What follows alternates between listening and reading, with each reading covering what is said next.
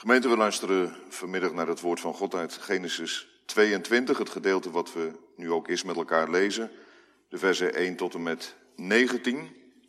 We zingen dan uit Psalm 40, het vierde vers. Toen zeide ik, zie, ik kom, o Heer, de rol des boeks is met mijn naam vervuld. Daarna doen we in gemeenschap met de kerk van alle tijden en plaatsen beleidenis van ons algemeen, ongetwijfeld christelijk geloof en zingen aansluitend aan het vijfde vers. Uw heilleer wordt door mij alom verbreid.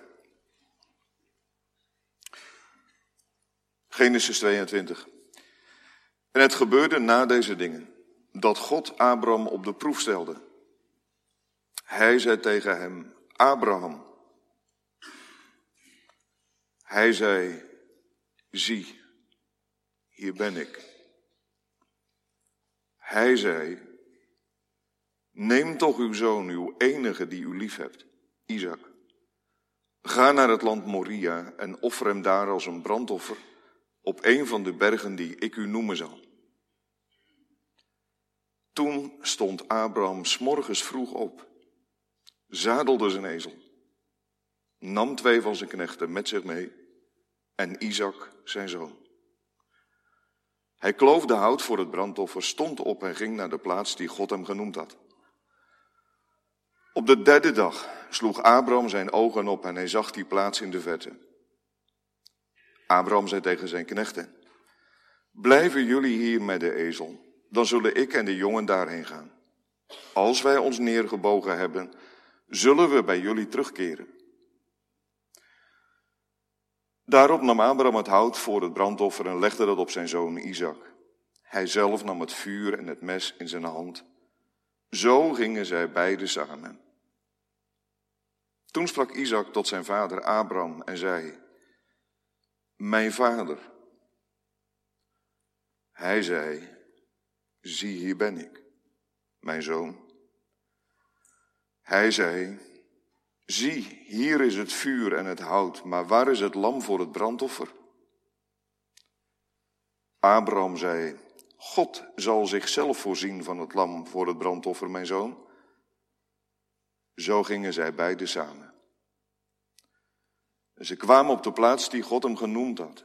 Abraham bouwde daar het altaar, schikte het hout erop, bond zijn zoon Isaac en legde hem op het altaar boven op het hout. Toen strekte Abraham zijn hand uit en nam het mes om zijn zoon te slachten. Maar de engel van de Heere riep tot hem vanuit de hemel en zei, Abraham, Abraham. Hij zei, zie hier ben ik. Toen zei hij, steek uw hand niet uit naar de jongen en doe hem niet. Want nu weet ik dat u Godvrezend bent en uw zoon, uw enige, mij niet onthouden hebt.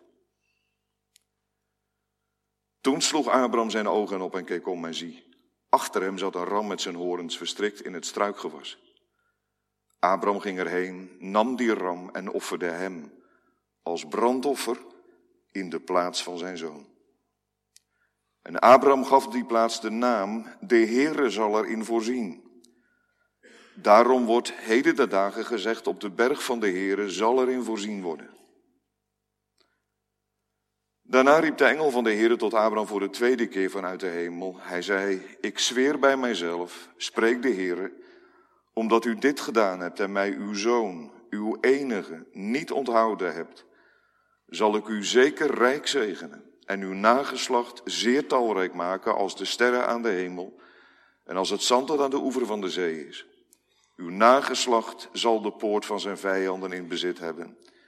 En in uw nageslacht zullen alle volken van de aarde gezegend worden, omdat u mijn stem gehoorzaam geweest bent. Daarna keerde Abraham terug naar zijn knechten. Zij stonden op en gingen samen naar Berseba. En Abraham bleef in Berseba wonen. Tot zover dus de schriftlezing. Gemeente, we luisteren, dat zult u begrepen hebben, vanmiddag naar dit gedeelte uit het woord van God. En zo'n gedeelte, dat spreekt natuurlijk boekdelen. En dan is er ook een mogelijkheid om eens op een klein onderdeel daarvan te letten wat iedere keer terugkomt. En dat is het eigenlijk wat vanmiddag voor de verkondiging van belang is. En samengevat vindt u dat in die aanspraak die u leest aan het uh, slot van vers 1 en het antwoord dat Abraham geeft, waar dan vervolgens een opdracht aan gekoppeld wordt. Ik lees u vers 1 in zijn geheel nog een keer. En het gebeurde na deze dingen dat God Abraham op de proef stelde. Hij zei tegen hem, Abraham.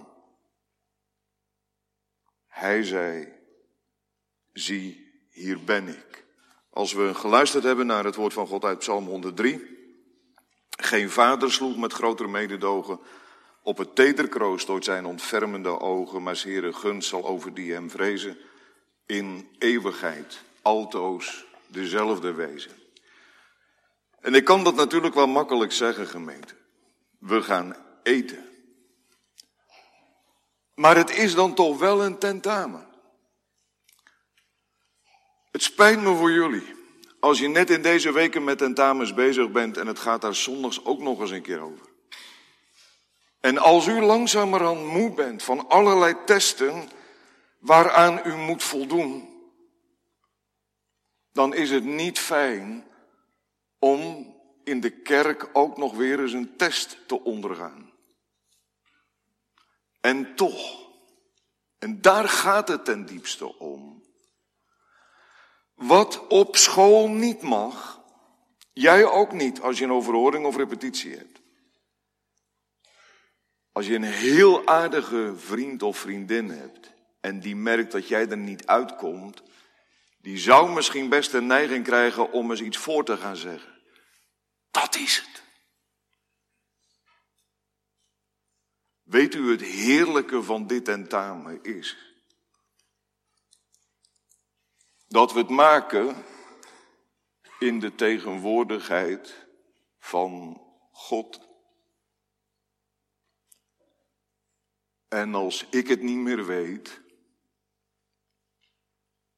Ja, ik kan het geen fluisteren noemen, gemeente, wat de Bijbel doet. En soms zou het zo erg zijn als het alleen fluisteren is.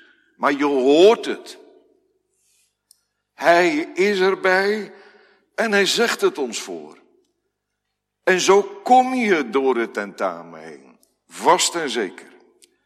Hoe dan? Nou, dat gaan we met elkaar vanmiddag horen uit dit gedeelte.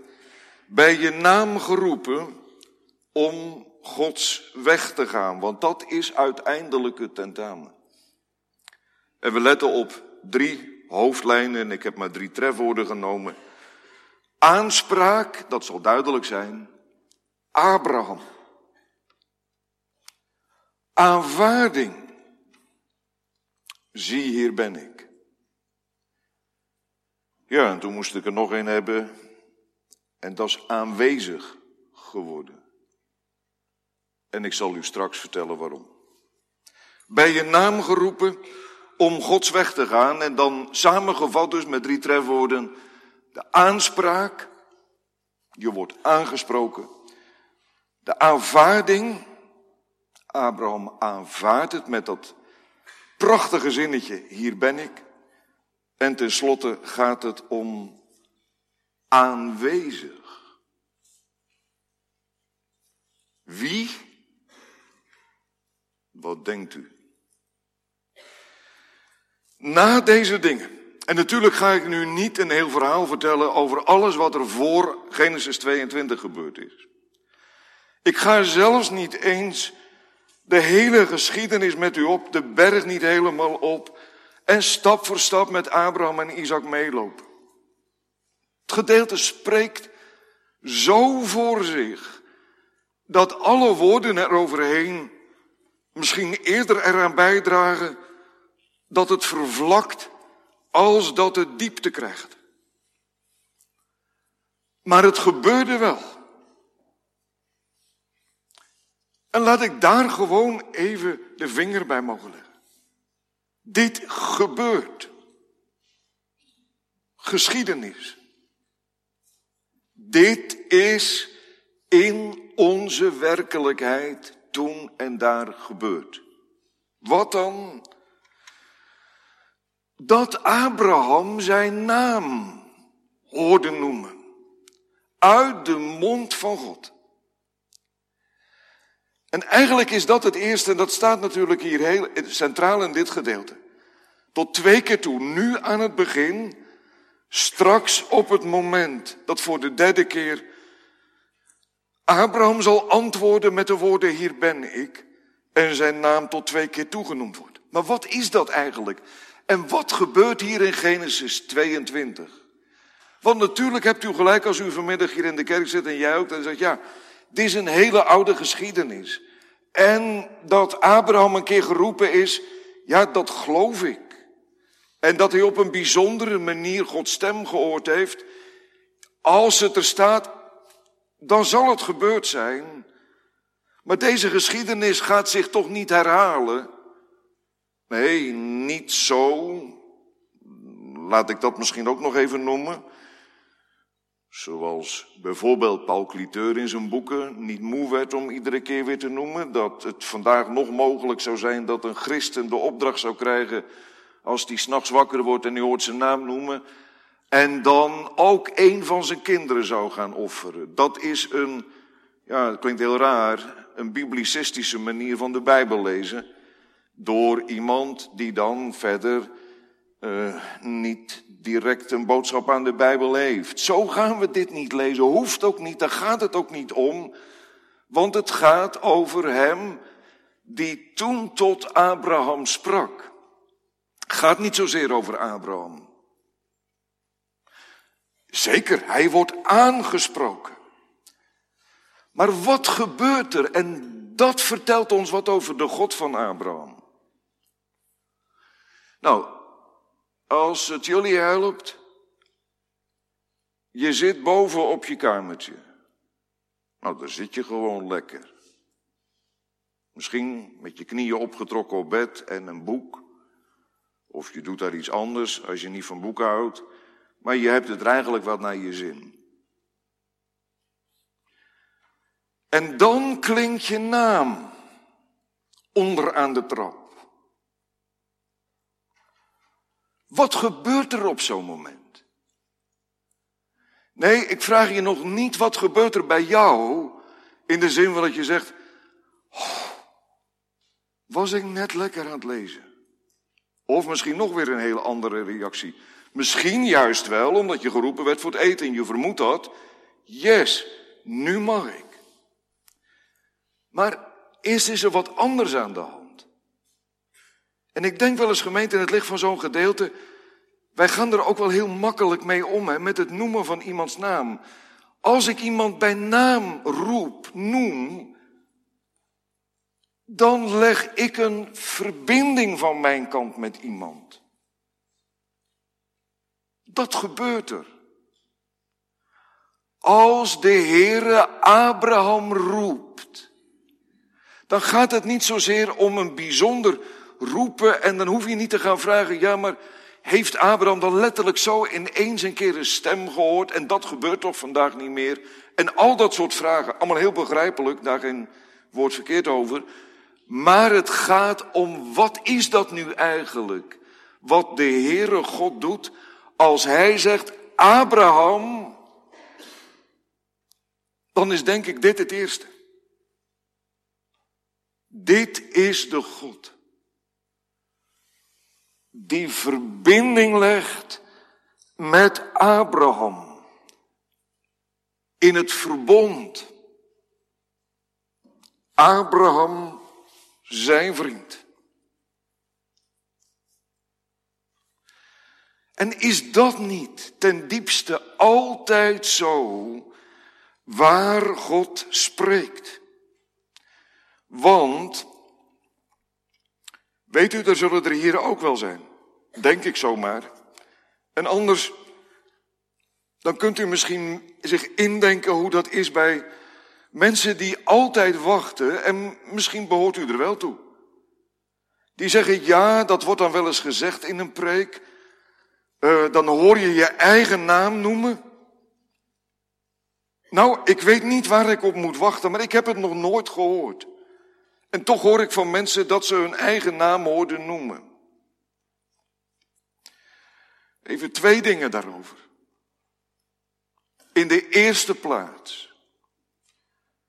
En ik doe dat met een zeker dubbel gevoel, omdat ik dan meteen misschien mensen uitsluit, maar die komen zo. U bent gedoopt.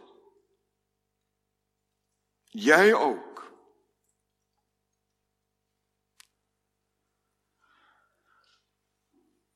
Gemeente, wat doen wij?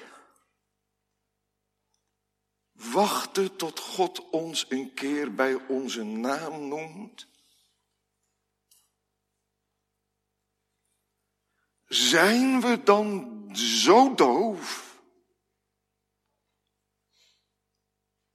Het is toch niet alleen maar een beweging van lucht. Als hier, of waarschijnlijk in een ander kerkgebouw dan, onze naam genoemd werd. In Gods naam. Ik doop u. Aangesproken. In dat opzicht zijn wij bij onze naam geroepen. En is die roepstem. En neem je doopkaart, geboortekaartje erbij. Als je het niet gelooft. Het staat er zwart op wit of met een andere kleur. Maar die namen die daar staan, zijn een keer genoemd en je bent geroepen. Door de God van je doop. En als u zegt, maar dat is toch wel een heel eind weg bij Genesis 22 vandaan, dat geloof ik niet. Want het gaat over Gods openbaring in Genesis 22. En de God die Abraham zo op een heel bijzondere manier riep om zijn weg te gaan, heeft ons en onze kinderen in het uur van onze doop zo aangesproken. En ik zei net, dan legt hij verbinding, daar zit beweging en uit Gods mond de beweging, daar komt hij zelf tot ons. Hij zoekt verbinding. Hij richt het verbond op. En zo worden we bij onze naam genoemd. Dat is het eerste. Het tweede is dit. Als dit waar is, dan is ook het omgekeerde waar. Wat bedoel ik? Dat al is het dan waar dat u misschien niet zo bij name genoemd bent. En mocht er iemand onder ons zijn die zegt, ja, nu voel ik me echt een buitenstaander. Weet ik natuurlijk niet zo goed, kennen we elkaar niet. Maar van harte welkom als u hier binnengelopen bent of meeluistert. En u zegt, ja, maar ik ben niet gedoopt. Dus kan ik nu wel afhaken. Het heerlijke is, dat al is het waar wat ik zo even zei, en dat is een onnoemelijk groot voorrecht, daar kun je op terugvallen. Wat gebeurt er op dit moment als je woorden van God hoort? In het roepen van de naam doet God zijn aanspraak. En ik zei nu ook het omgekeerde. Als God aanspreekt, dan noemt Hij onze naam.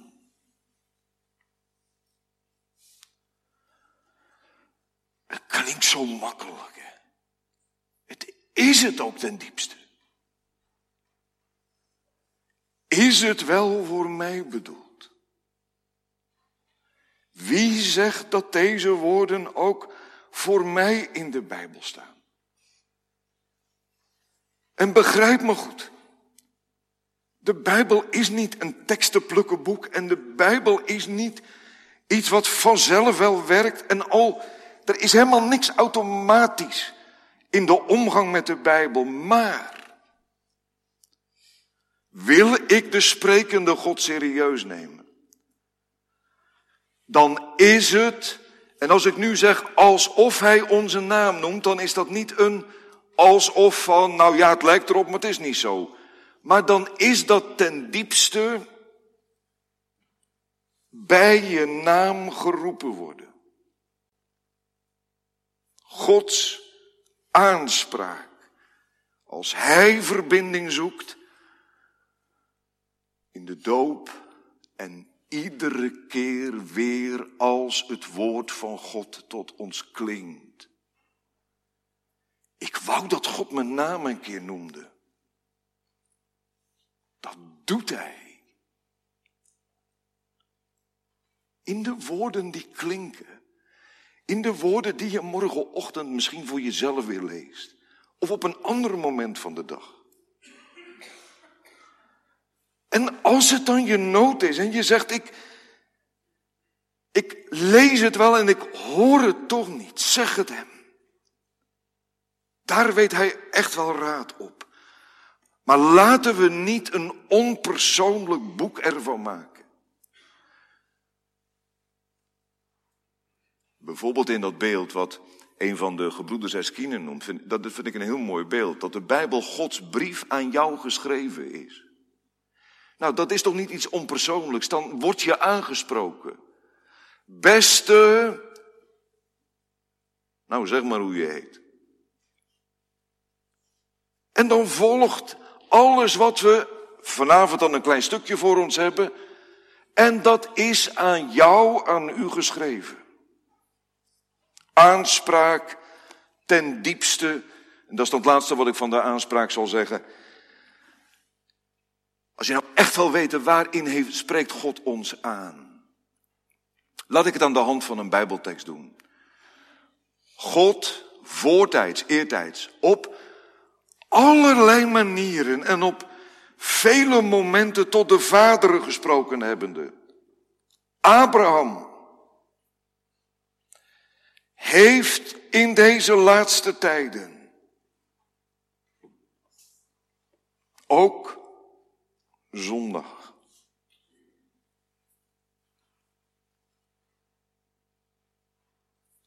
Tot ons gesproken in de zoon. Als u nou echt de aanspraak in ons leven wil horen, dan hoor je het. Dit is mijn enige mijn geliefde zoon, die ik lief heb, hoor hem. Natuurlijk zijn er allerlei verklaringen over dit gedeelte. Ik denk dat er weinig Bijbelgedeelten zijn die zo'n enorm woord uh, gecreëerd hebben in de loop van de eeuwen. Uh, het blijft, ook binnen het Jodendom. Er zijn prachtige verklaringen, ook wel psychologische verklaringen en al die dingen meer. Uh, ook binnen het Jodendom, waar deze geschiedenis een eigen leven gekregen heeft. Ook wel als het gaat over de lijdensgeschiedenis die het volk Israël gaat tot op de dag van vandaag. Eén opmerking geef ik u maar door, want volgens mij is het de spijker op zijn kop. Een Joodse verklaarder die schreef, wat is nu eigenlijk de test? En het gebeurde na deze dingen dat God Abraham een tentamen gaf. Een test afnam, op de proef stelde. En hij zei, het zou wel eens kunnen van zijn naam is. Dat is het tentamen. Dat is de test. En de rest volgt eruit voort. Jazeker, afhankelijk van wat er volgt. Hij zei, zie, hier ben ik.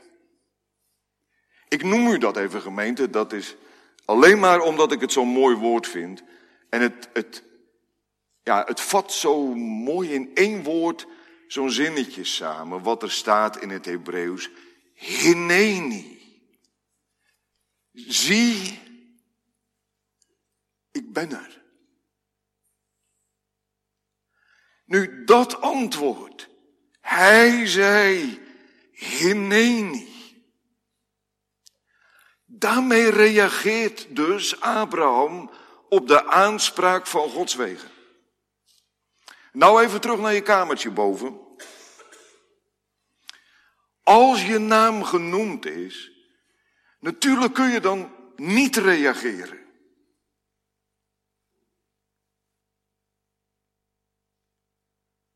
Ben je doof soms? Ik heb al vijf keer geroepen. Nou, dat weet je ook wel. Maar die bladzij moest af, of het spelletje moest af. Anders had je net je scoren niet. En maar laten roepen. Misschien kwam zelfs iemand de trap op. En je hoorde ook wel in de voetstappen ongeduld. Het kwam je niet uit. Zijn er hier die de aanspraak van God op hun leven ontkennen? Mij heeft hij nooit geroepen. Je weet het. Kwam het niet uit? Want, en, dat, en dat, dat merk je ook dat het echt een verbinding legt. Op het moment dat je naam genoemd is, weet je dat er iets moet, terug moet komen. Het zij een ja of een nee, laat ik dat even in het algemeen openlaten. Maar het noemen van je naam legt ook beslag op je.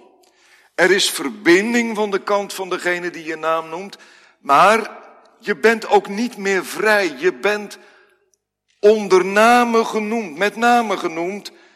En daarom zit er als het ware ook een greep op dat moment op je leven. Want rustig verder lezen kun je eigenlijk niet meer. Je doet het wel, want je wil die bladzij af, of dat spelletje moet nog af, maar eigenlijk wil het niet meer. En hoe komt dat? Je verdraait nog aan toe, ze noemde mijn naam. En ik was nog niet zo ver. Hineni. Zie, ik ben er. Kom eraan. Of heb je het wel gezegd? Abraham kon maar één ding, zei maar één ding. Hineni, ik ben er. En daarmee zei hij tot uw dienst. Je geeft je dan over. Je aanvaardt dat je met name genoemd bent. Ook al weet je, ik word niet zomaar genoemd. Dat zal consequenties hebben. En laten we maar heel eerlijk zijn, gemeente. Als je weet, als Abraham geweten zou hebben, zo moet ik dan gaan formuleren natuurlijk. Als Abraham geweten zou hebben dat nog geen twee tellen later deze opdracht zou klinken. Neem toch uw zoon, uw enige die u lief hebt. Dat zijn naam Abraham een aanfluiting wordt. Ik word bij mijn naam geroepen. Uw naam was Abraham, maar u zult heten Abraham. Ja, dat hoor ik. Ga heen, neem uw enige, uw zoon die u lief hebt. U zult tot de menigte van volken worden. En ga uw ene zoon die u hebt offeren op het altaar. Daar begrijp je toch helemaal niks meer van. Dan lijkt Gods belofte toch in één keer gewoon nergens op te slaan en verscheurd te worden zou God zijn genade vergeten? Zullen Gods beloften dan hun vervulling missen? In het noemen van mijn naam volgt er wat. Nou, dat is ook zo. Gemeente, daar zitten we allemaal mee. Of ja, we zitten er misschien niet mee, maar dan is dat ons probleem. Wat bedoel ik? God van zijn kant legt de verbinding. Maar zijn hand rust op ons. En hij heeft een bevel gegeven. Hij geeft die opdracht. Namelijk omdat in zijn verbond twee delen begrepen zijn. worden we ook door het noemen van onze naam bij de doop of op dit moment aangespoord om de wereld te verzaken, onze oude natuur te doden en in een nieuw godzalig leven te wandelen en deze God met ons hele bestaan lief te hebben. Dat, dat is nogal alomvattend. Gemeente, ik geloof niet dat wij het hier in dit heel bijzondere moeten zien van een offer rond een zoon. De test staat aan het begin. En weet je, dan kun je er ook heel makkelijk achter wegkruipen achter zo'n geschiedenis. In de zin van, ja, dit is een unieke geschiedenis. En ik zal daar vanmiddag niet veel van zeggen, maar ik noem het natuurlijk wel even. Hier gaat het heel vaak van Moria naar Golgotha. En geen kwaad woord daarover. Ik denk zeker dat je ook over Genesis 22 van de ene heuvel naar de andere kunt kijken. En ik zal u niet aansporen om dat na te laten. Maar je kunt niet alles zeggen. Maar juist wat er gevraagd wordt, daar gaat het om. Neem uw zoon, uw enige die u lief hebt. En dat is in wezen hetzelfde als wat de Heer van ons en onze kinderen vraagt. Want hij zegt daarmee, geef jezelf aan mij en aan mijn weg die ik met je ga over. En natuurlijk, soms heb je wel eens een keer gezegd, ja, ik ben er. Ga je voor mij even? En je denkt, oh nee, hè? daar heb ik nou net even geen zin in. Had ik maar gedaan alsof ik er niet was. Is hier vanmiddag nog iemand die zo altijd nog doet alsof hij er niet is? Beetje Adamachtig, hè? Wegkruipen. Ik ben er niet. Durf ook niet. Wil niet. Geen zin. Mag ik alle Hineni mensen ook laten zien, en dat laat dit gedeelte zien, wat het betekent als je deze woorden gesproken hebt. Ik moest er even aan denken, ook hier zullen er van jullie zijn die op de beleideniscategorisatie zitten. En eigenlijk dacht ik, ja, dit is het. Wat is nu eigenlijk een beleideniscategorisatie volgen? Is dat wat anders? Als dat je daarmee zegt, Hineni, hier ben ik.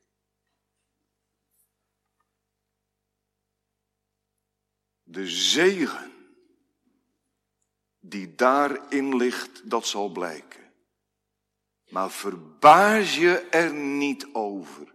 Als er momenten kunnen zijn, ook tijdens je beleideniscategorisatie, dat je denkt, waar begin ik aan? Hoe kan ik dit ooit waarmaken? Ik heb het gezegd. En dan kan ik er ook niet meer achter terug. Hineni, zie hier ben ik, want ik wist me geroepen. En tegelijkertijd de worsteling in je hart. Hoe kan ik dat ooit gestalte geven? Je mag het blijven volgen. En even, dat komt natuurlijk door deze tekst. Maar als je naar de Hineni-catechisatie gaat, ook in de komende tijd nog, weet dan dat er anderen om je heen zitten. Ouderen. Of misschien van dezelfde leeftijd die al eerder beleidenis hebben afgelegd. Die als ze eerlijk zijn en de roep niet langer konden weerstaan, nog altijd op die Hineni-catechisatie zitten. Levenslang krijg je. Oefenen. in het uithanden geven, in dat ene woord uitspreken, zie hier ben ik. Ook in de komende week wellicht. Vandaag geroepen, opnieuw geroepen. Je naam in deze woorden uit Genesis 22. Als je niet in je Bijbel wil krassen, en dat snap ik. Neem dan maar een papier en schrijf die tekst over. En het gebeurde na deze dingen dat God en dan je eigen naam op de proef stelde. En hij zei tegen hem, zondag 19 januari, en dan je naam. En dan het hoge woord eruit. Voor morgen, overmorgen, alle dagen van de komende week. Wakker worden. Hineni. U riep. En hier ben ik. Ook als de weg heel anders gaat als dat je dacht aan het begin van de week. Gewillig aanvaarden. Ten diepste omdat je gewoon niet anders kunt. Want dat is het toch ten diepste gemeente. Ik hoop niet dat ik het voor iemand. Ja, en waarom zou ik het ook zo formuleren? Ik wilde eigenlijk dit zeggen. Ik hoop niet dat voor een van u deze week betekent Hineni. Uh, dat u bij wijze van spreken opgenomen wordt in het ziekenhuis. Met spoed. En toch zeg ik het ook maar wel. Want het blijkt dat alle beproevingen rond Hineni alleen maar winst opleveren uiteindelijk. Maar de overgave. U mag op zo'n moment zeggen, Hineni. Als je het zo mag doen in de wetenschap, ik ben bij mijn naam geroepen. Al gaat u ook door het water. Al gaat u ook door het vuur.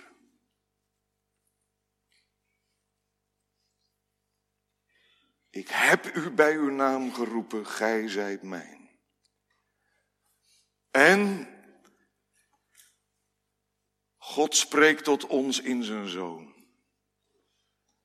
En Genesis 22 gemeente lees je niet los van de hele Bijbel. En dat is meer dan alleen maar, dat heb ik net al gezegd, dat dat ram in de struiken en Moria eh, dan een gelijke verband gelegd wordt met het lam van God en Golgotha. Ook hierin hoor je, als je Genesis 22, en dat was de reden om Psalm 40 te laten zingen, iets van dat, zie hier ben ik, Hineni, ik kom. Mijn zoon, Hineni. Zo kwam hij. Zo is zijn naam de aanspraak op ons leven. Zodra je de naam Jezus hoort, wordt een verbinding gelegd. Maar wordt er ook een hand op je gelegd. Niet vrijblijvend hoor je een naam noemen. En vraag de Heere heel ons bestaan, heel ons hart. En hoe krijg je dat dan voor elkaar? En nou even terug naar de inleiding. Ik zei, een tentamen. Hoe gaat het trouwens? Daar ben ik gewoon even benieuwd naar. Ondertussen hebben we een stukje van tentamen gehad. Hoe is met je? Als je er niet meer onderuit kunt.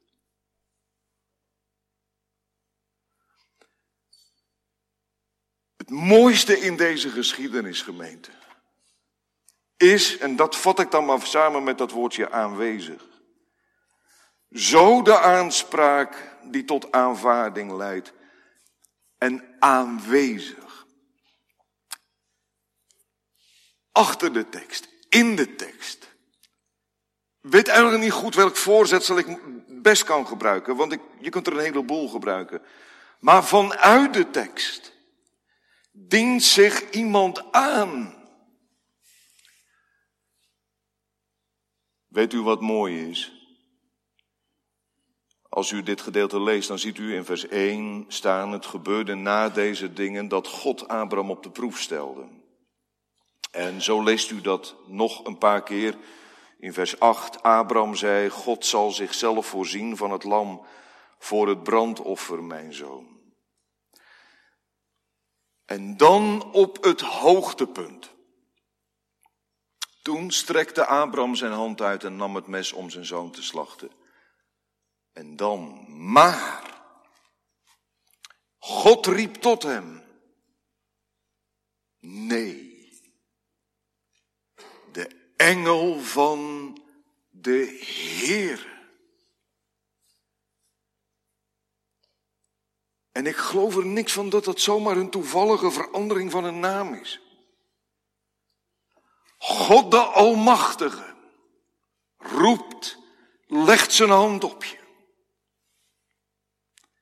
Maar het gaat in deze geschiedenis om de openbaring van de godsnaam met hoofdletters Yahweh. De ik ben er.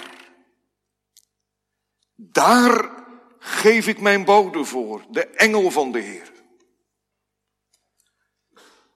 De bode die de woorden van God roept, van de Heer, die er is. Heere is zijn naam.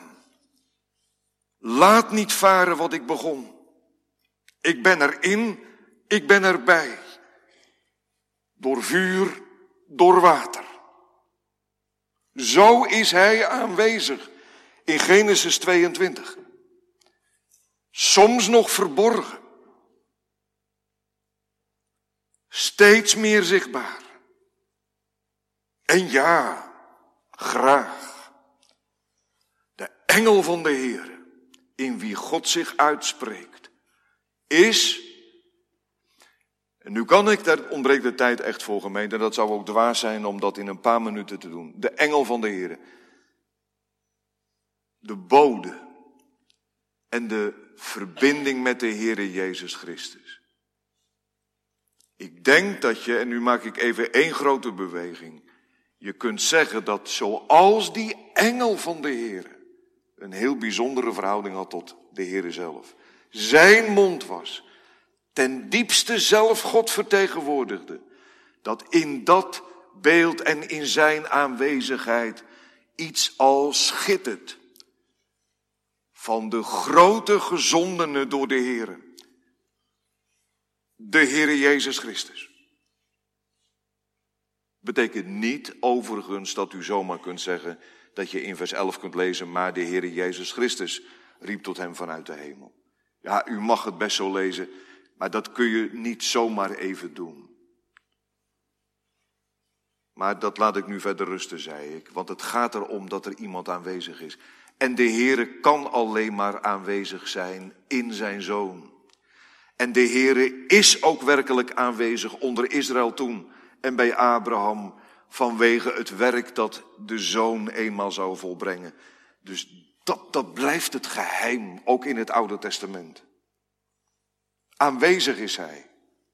Wanneer? In de aanspraak al. Gemeente, hoe komt Abraham erbij? Om te gaan zeggen, Hineni. Hoe kwam jij erbij om beleideniscategorisatie te gaan volgen? Omdat er één aanwezig is. Onweerstaanbaar. Getrokken. Overwonnen. Gaandeweg. Plotseling. Zo komt God spreken tot ons. Want uiteindelijk, als ik dat woord aanwezig als een soort samenvatting gebruik voor wie de Heere is. Gods spreken is zijn presentie. Abraham, present. Zegt Abraham dat? Ja, ongeveer wel. Zoals je dat wel eens als er een namenlijstje klinkt of zo, hè, bij, nou, bij een tentamen, maar ook bij uh, andere vergaderingen moet je even laten weten dat je er bent. En dan worden de naam genoemd, dat gaat dan vrij snel. En dan wordt vaak geantwoord present. Als u nergens meer bij kunt en heel Genesis 22 een te zwaar tentamen vindt, zegt hij dit tegen u. Present. In die aanspraak, in dat onmogelijke wat ik van u vraag. Ik ben er, Heer, aanwezig. En als in dit gedeelte tot zeven keer toe het werkwoord gaan klinkt, er zit één beweging in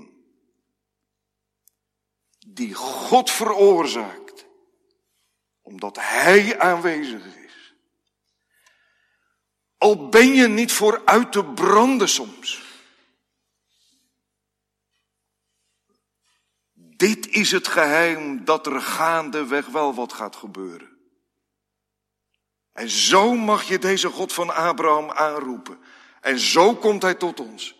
Ook in dit gedeelte van de schrift. Gemeente, we klagen wel eens hè, over leeg aan God. En heerlijk als je het op tijd ontdekt. Of heerlijk, nou ja, het is maar, nee, dat is niet heerlijk, maar u begrijpt wel wat ik wil zeggen. Beter dat je het merkt dat het leeg aan God wordt, als dat je denkt, ik ben vol van God. En de Heere zegt, ja, jullie zeggen, ik ben rijk en verrijkt en ik heb aan geen ding gebrek. Maar je weet eigenlijk niet eens waar u eraan toe bent. Maar dit uit dit gedeelte. Hoe merk ik dat God aanwezig is? Herkenbaar die vraag? Ja, in de kerk kun je hem wel beantwoorden. Morgenochtend. Hoe beantwoord je die vraag dan? Hoe merk ik dat God aanwezig is? En uit dit gedeelte dringt zich deze gedachte aan je op. In de aanspraak en de aanvaarding is God aanwezig. En als ik de leegte ervaar, dan mag je dit er binnenbrengen. Ik ben bij name geroepen. En ieder woord dat ik van de levende God lees, is een herhaling van dat aangesproken zijn. Maar daar zit ook dit aan vast. En dat is iets wat bij dit tentamen je bezighoudt. Heren, ervaar ik de leegte. En dan kan ik zeggen, ja, de samenleving is ook zo leeg aan God. En ik kan met mijn collega's nergens over praten bijna. En, nou ja, we kunnen een hele rij van die dingen noemen. Dit gedeelte vraagt ons ook hoe is het met het Hineni? Aanvaarden wij wat Hij ons te doen heeft? En is die afhankelijkheid en die gezindheid het geheim van Zijn aanwezigheid in ons leven? Want dat zal blijken.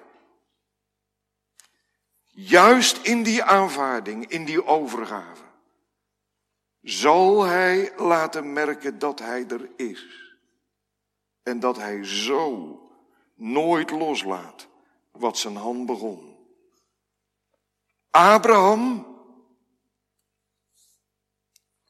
zie hier ben ik. dan hoor je op de achtergrond. Maar je hoort het ook als iets wat steeds sterker klinkt. In de Bijbel en uiteindelijk in de wereldgeschiedenis. Uit Gods mond.